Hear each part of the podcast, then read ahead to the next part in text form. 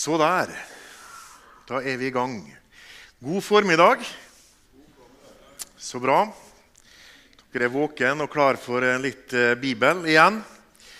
Noen av oss har jo vært eh, litt eh, innom det i går. Vi hadde et par bibeltimer i går. Og for de som ikke var der, så er det kanskje noen som lurer på hva slags fyr er dette her.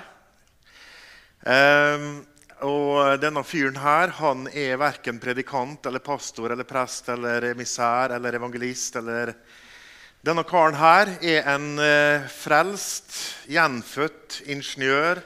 Far til fire, bestefar til én og svigerfar til én. Det er meg.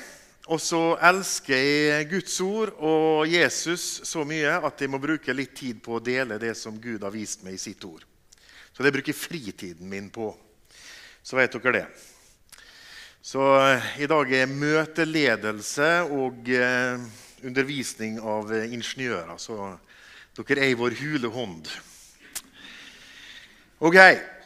Dette her er temaet vårt. Dette her er det som vi har satt som overskrift over helga. Og dette her er Paulus sitt utsagn.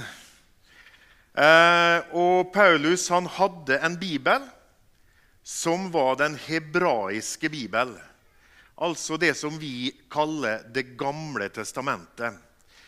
Og Det gamle testamentet er egentlig et dårlig navn, for det betyr ikke at det er det utdaterte testamentet. Det er høyaktuelt i den tiden vi lever i. Så Det gamle testamentet det er rett og slett eh, bare fordi at det er den hebraiske bibel. Og jeg er enig med Paulus jeg tror alt det som er skrevet i loven og profetene. Og I formiddag skal jeg ta dere med til ei historie som står i 2. Mosebok, kapittel 12. Og Det handler om israelsfolket sin utfrielse fra Egypt.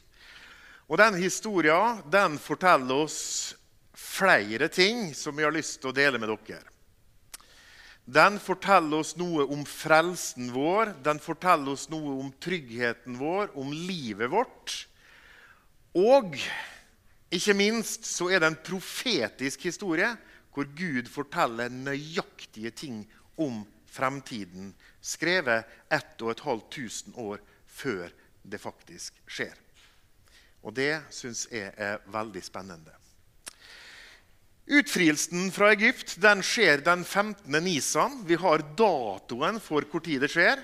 Eh, årstallet kanskje litt mer usikkert, men datoen den er 100% Den 15. Nisan det er altså etter den jødiske kalender. Eh, så det varierer litt hvor tid den dagen havner på vår kalender. Men datoen er ut ifra teksten, og vi skal lese sammen fra 2. Mosebok 12. Og vi gir dere teksten her fremme, så trenger dere ikke å slå opp heller. Herren talte til Moses og Aron mens de var i landet Egypt, og sa:" Denne måneden skal være deres nyttårsmåned. Den skal være den første av årets måneder hos dere. Tal til hele Israels menighet og si på den tiende dagen Nå må dere huske det som vi leser her nå.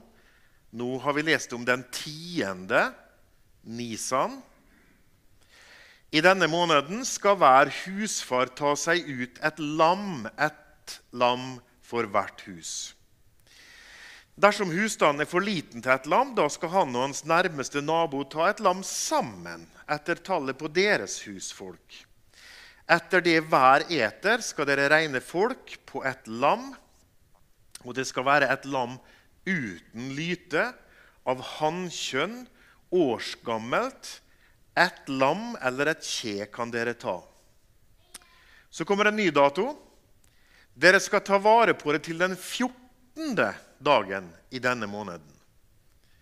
Den 14. Nisan. Da skal hele Israels samlede menighet slakte det mellom Og så kommer et klokkeslett mellom de to aftenstunder. Så skal de ta blodet og stryke det på begge dørstolpene og på den øverste dørbjelken på de hus hvor de eter det. De skal ete kjøttet samme natt, stekt over ilden, og med usyret brød og bitre urter skal de ete det. På denne måten skal de ete det, med belte om livet, med sko på føttene og med stav i hånden. Og dere skal ete det i hast. Det er påske for Herren. I alle dager! 1500 år før påska, så er det påske. Har du lagt merke til det? Visste du det? Det er faktisk påske her 1500 år før Jesus dør.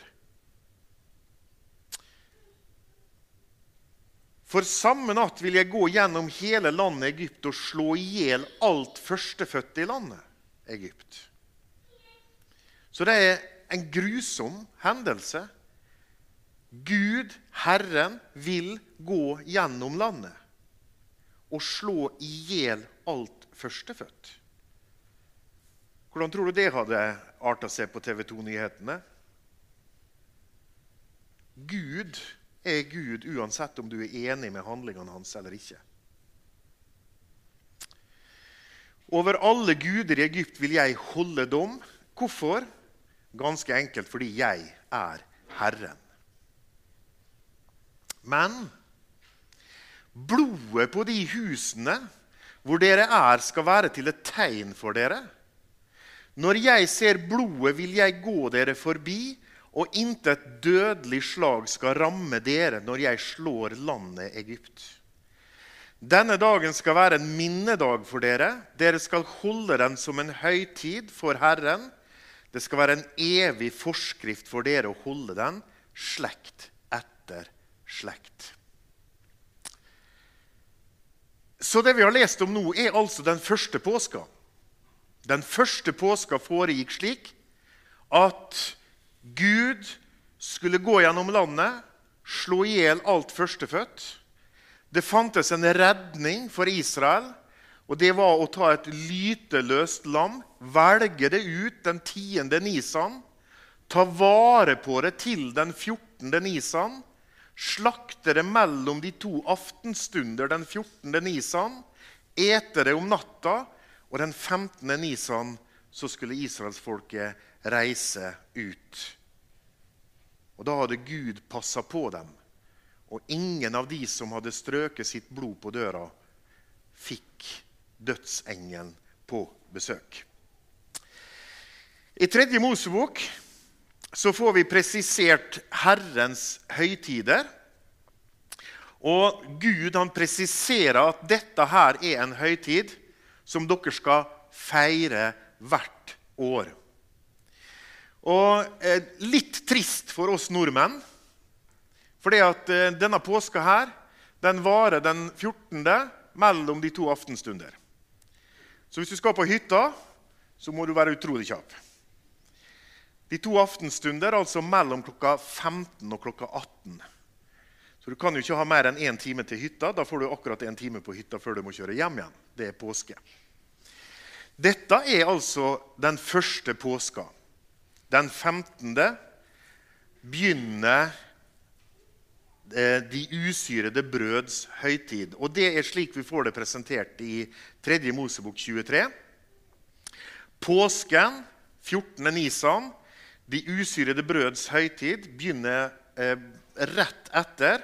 Og det er jo da ei uke så kanskje det passer bedre for oss nordmenn. Da får vi litt bedre tid på hytta. Vi kan feire det usyrede brøds høytid. Førstegrødens dag det var den dagen Jesus sto opp igjen fra de døde. Men det er jo ikke det de feirer her 1500 år før.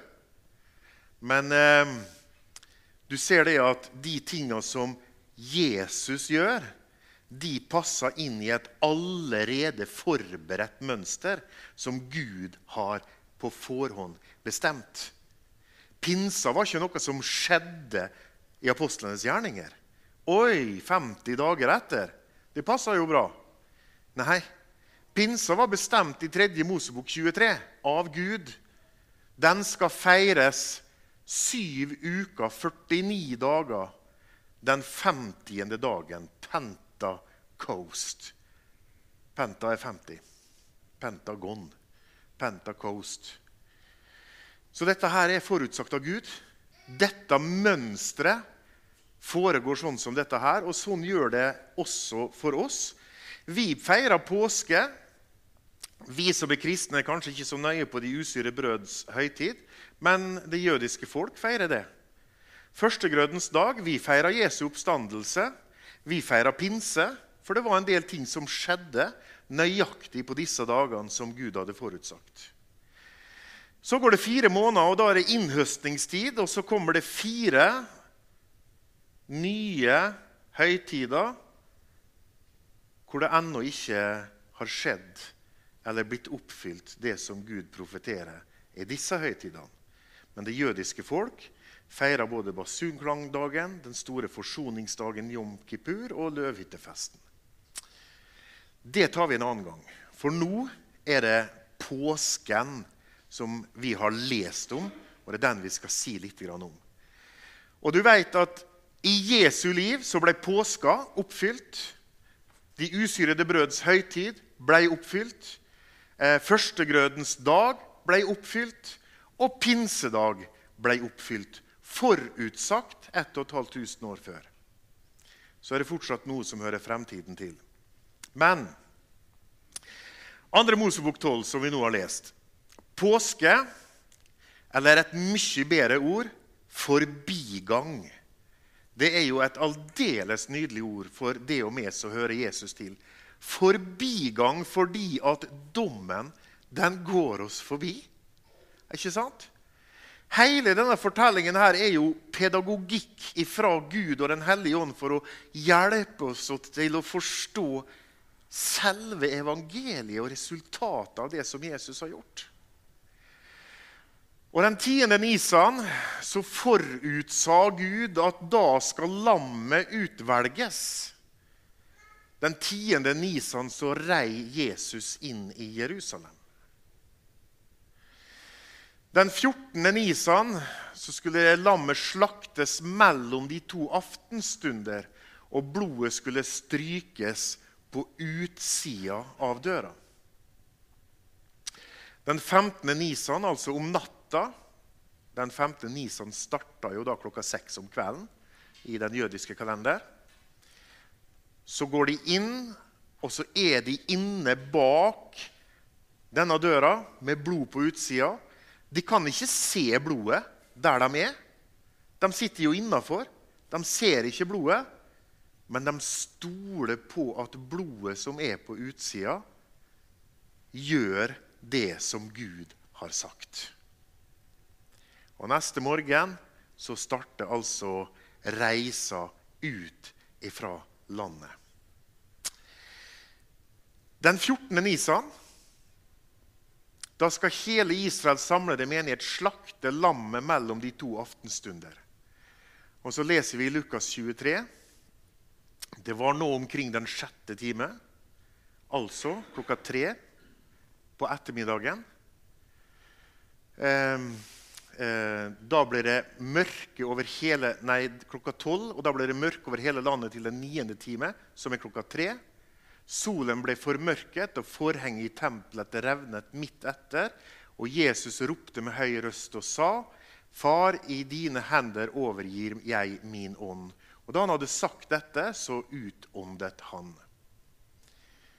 Lukas bruker altså den jødiske klokkeregningen. Eh, Johannes bruker den romerske, så du finner litt annet klokkeslett der. Men eh, eh, den sjette time er altså midt på dagen i den jødiske, og den niende time er da klokka, klokka tre. Så Jesus dør altså mellom de to aftenstunder, etter klokka tre, før klokka seks. Og de måtte skynde seg å legge Jesus i grava fordi sabbaten, den store sabbaten skulle begynne altså klokka seks ved solnedgang. Og da måtte eh, de få lagt Jesus i grava og tatt han ned fra korset. Så Gud han har gitt oss detaljer allerede 1500 år før Jesus kommer. Og så forteller han sånn skal det skje. Og Tror du at romerne liksom planla at nå skal vi få det til å passe med en profeti fra 2. Mosebok kapittel 12? Tror dere det? Tror dere at romerne prøvde å få det til? Altså, Jødene prøvde jo rett og slett å ikke la Jesus bli korsfesta midt i høytiden. Det var jo egentlig, Vi må unngå det for enhver pris. Men så bare balla tingene på seg, og så skjedde det akkurat sånn som Gud hadde sagt. Ikke fordi at romerne prøvde å få denne profetien til å bli oppfylt, men fordi Gud hadde sagt det. En liten detalj til. I 2. Mosebok 12 så står det at de som skal spise påskelam, de skal ikke bryte noe bein på det. Å, kjære vene Gud, er det måte på for detaljer du skal gi oss? Vi kan vel steike dette her i påskelammet og spise det? Hva betyr det nå vel om vi bryter et bein på påskelammet? Det eh, eh, eh, kan godt hende at de syntes det var helt tåpelige regler for å spise dette her lammet. Hvorfor skulle ikke de bryte et bein på det? Johannes 19. Det var forberedelsesdagen for at ikke de døde legene skulle bli hengende på korset sabbaten over. For denne sabbaten var stor. altså Da begynner jo de usyrede brøds høytid, den 15. nisan.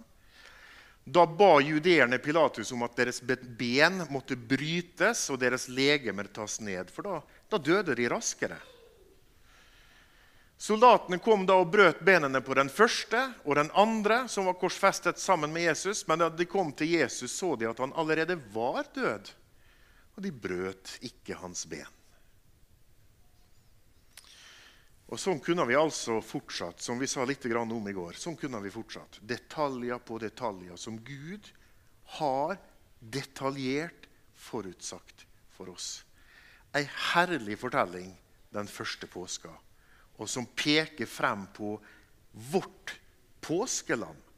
Og har, du, har du lest dette verset her i 1. Korinterbrev, og så har du lurt på hva mener Paulus vårt påskelam? Hva mener du, Paulus?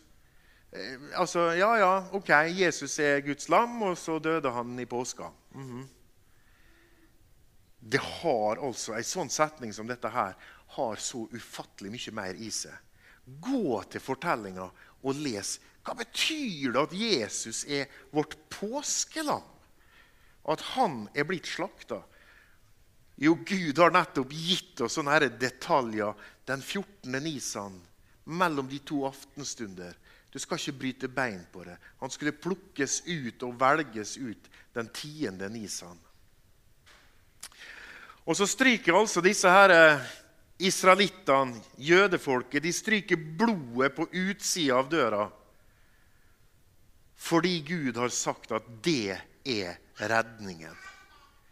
Altså, For en underlig greie.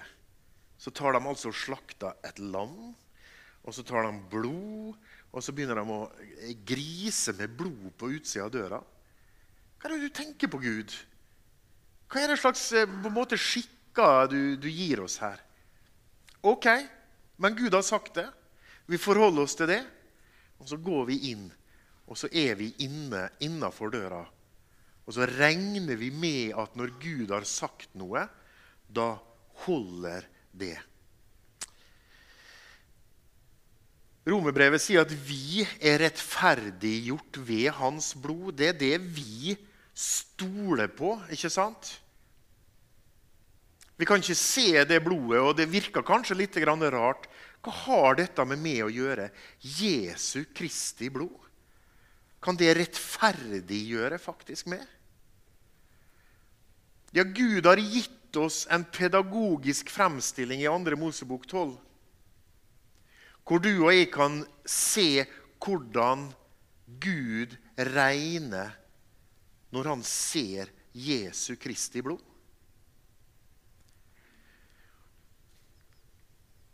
Kristi dyrebare blod som blodet av et feilfritt og et lyteløst lam. På samme måte som lammet i andre Mosebok 12 måtte nøye plukkes ut og være feilfritt og lyteløst.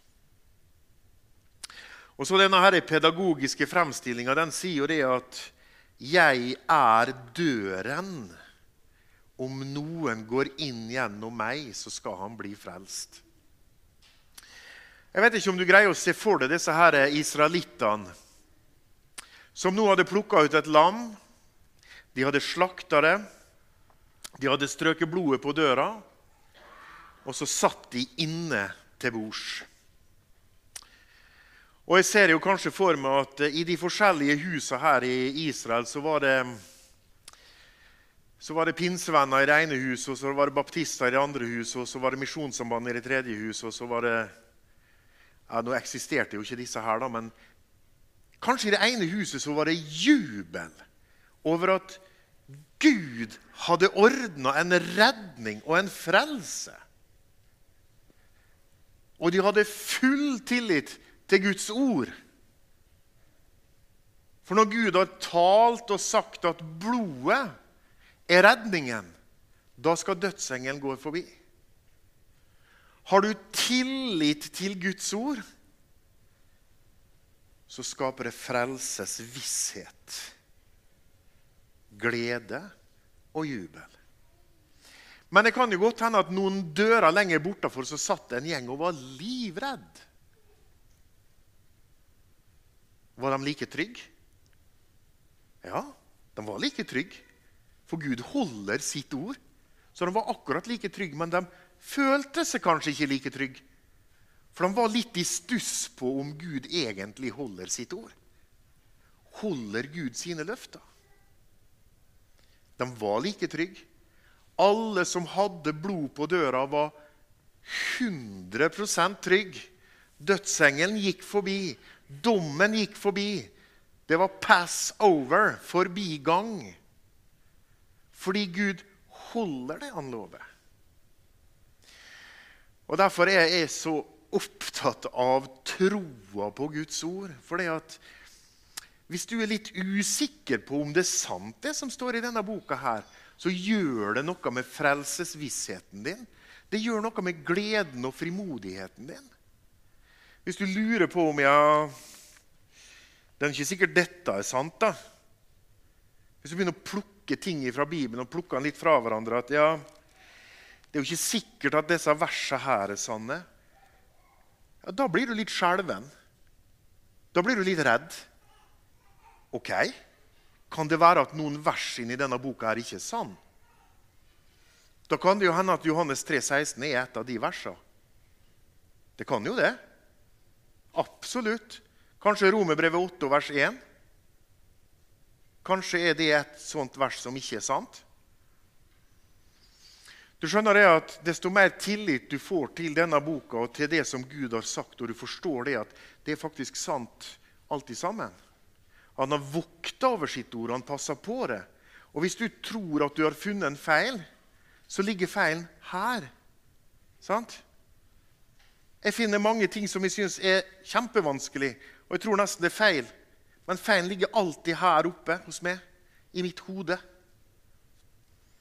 Så du skjønner at Tilliten til Guds ord er helt avgjørende for både frelses visshet og trygghet og glede i Jesus Kristus. For da kan du sitte der inne. Du har gått inn gjennom døra. Og så må jo altså hele påskelammet må spises. Du kan ikke bare plukke deler av Bibelen eller deler av Jesus. Jeg har lyst til å tro på dette, men dette der det ser ikke så bra ut. Det liker jeg svært dårlig. Kan du, kan du bare plukke biter av Jesus og tenke deg at nja, jeg tar bare de trivelige bitene av Jesus? At Jesus i 40 ganger i Matteusevangeliet snakker om en evig fortapelse, det syns ikke jeg er så trivelig, så det har jeg ikke lyst til å ta med. Kan du gjøre det? Nei. Gud spør deg om du tror på han. Og da har jo han sagt noe. Og da spør han tror du på det som jeg har sagt. Og så har jeg lyst til å ta med Romerbrevet 5. Det er jo herlig gir, to herlige vers som gir oss litt av eh, eh settingen til israelsfolket. Her begynner vers 1 med at da vi nå er rettferdiggjort av tro, så har vi fred med Gud ved vår Herre Jesus Kristus.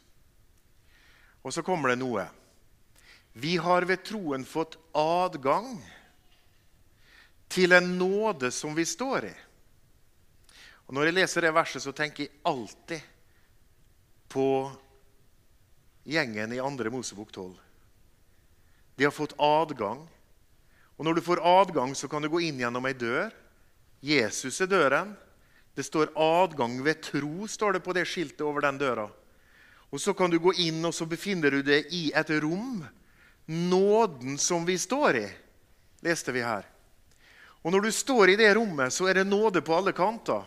Og du som har gått inn gjennom døra, er 100% trygg. Fordi Jesu blod er på utsida.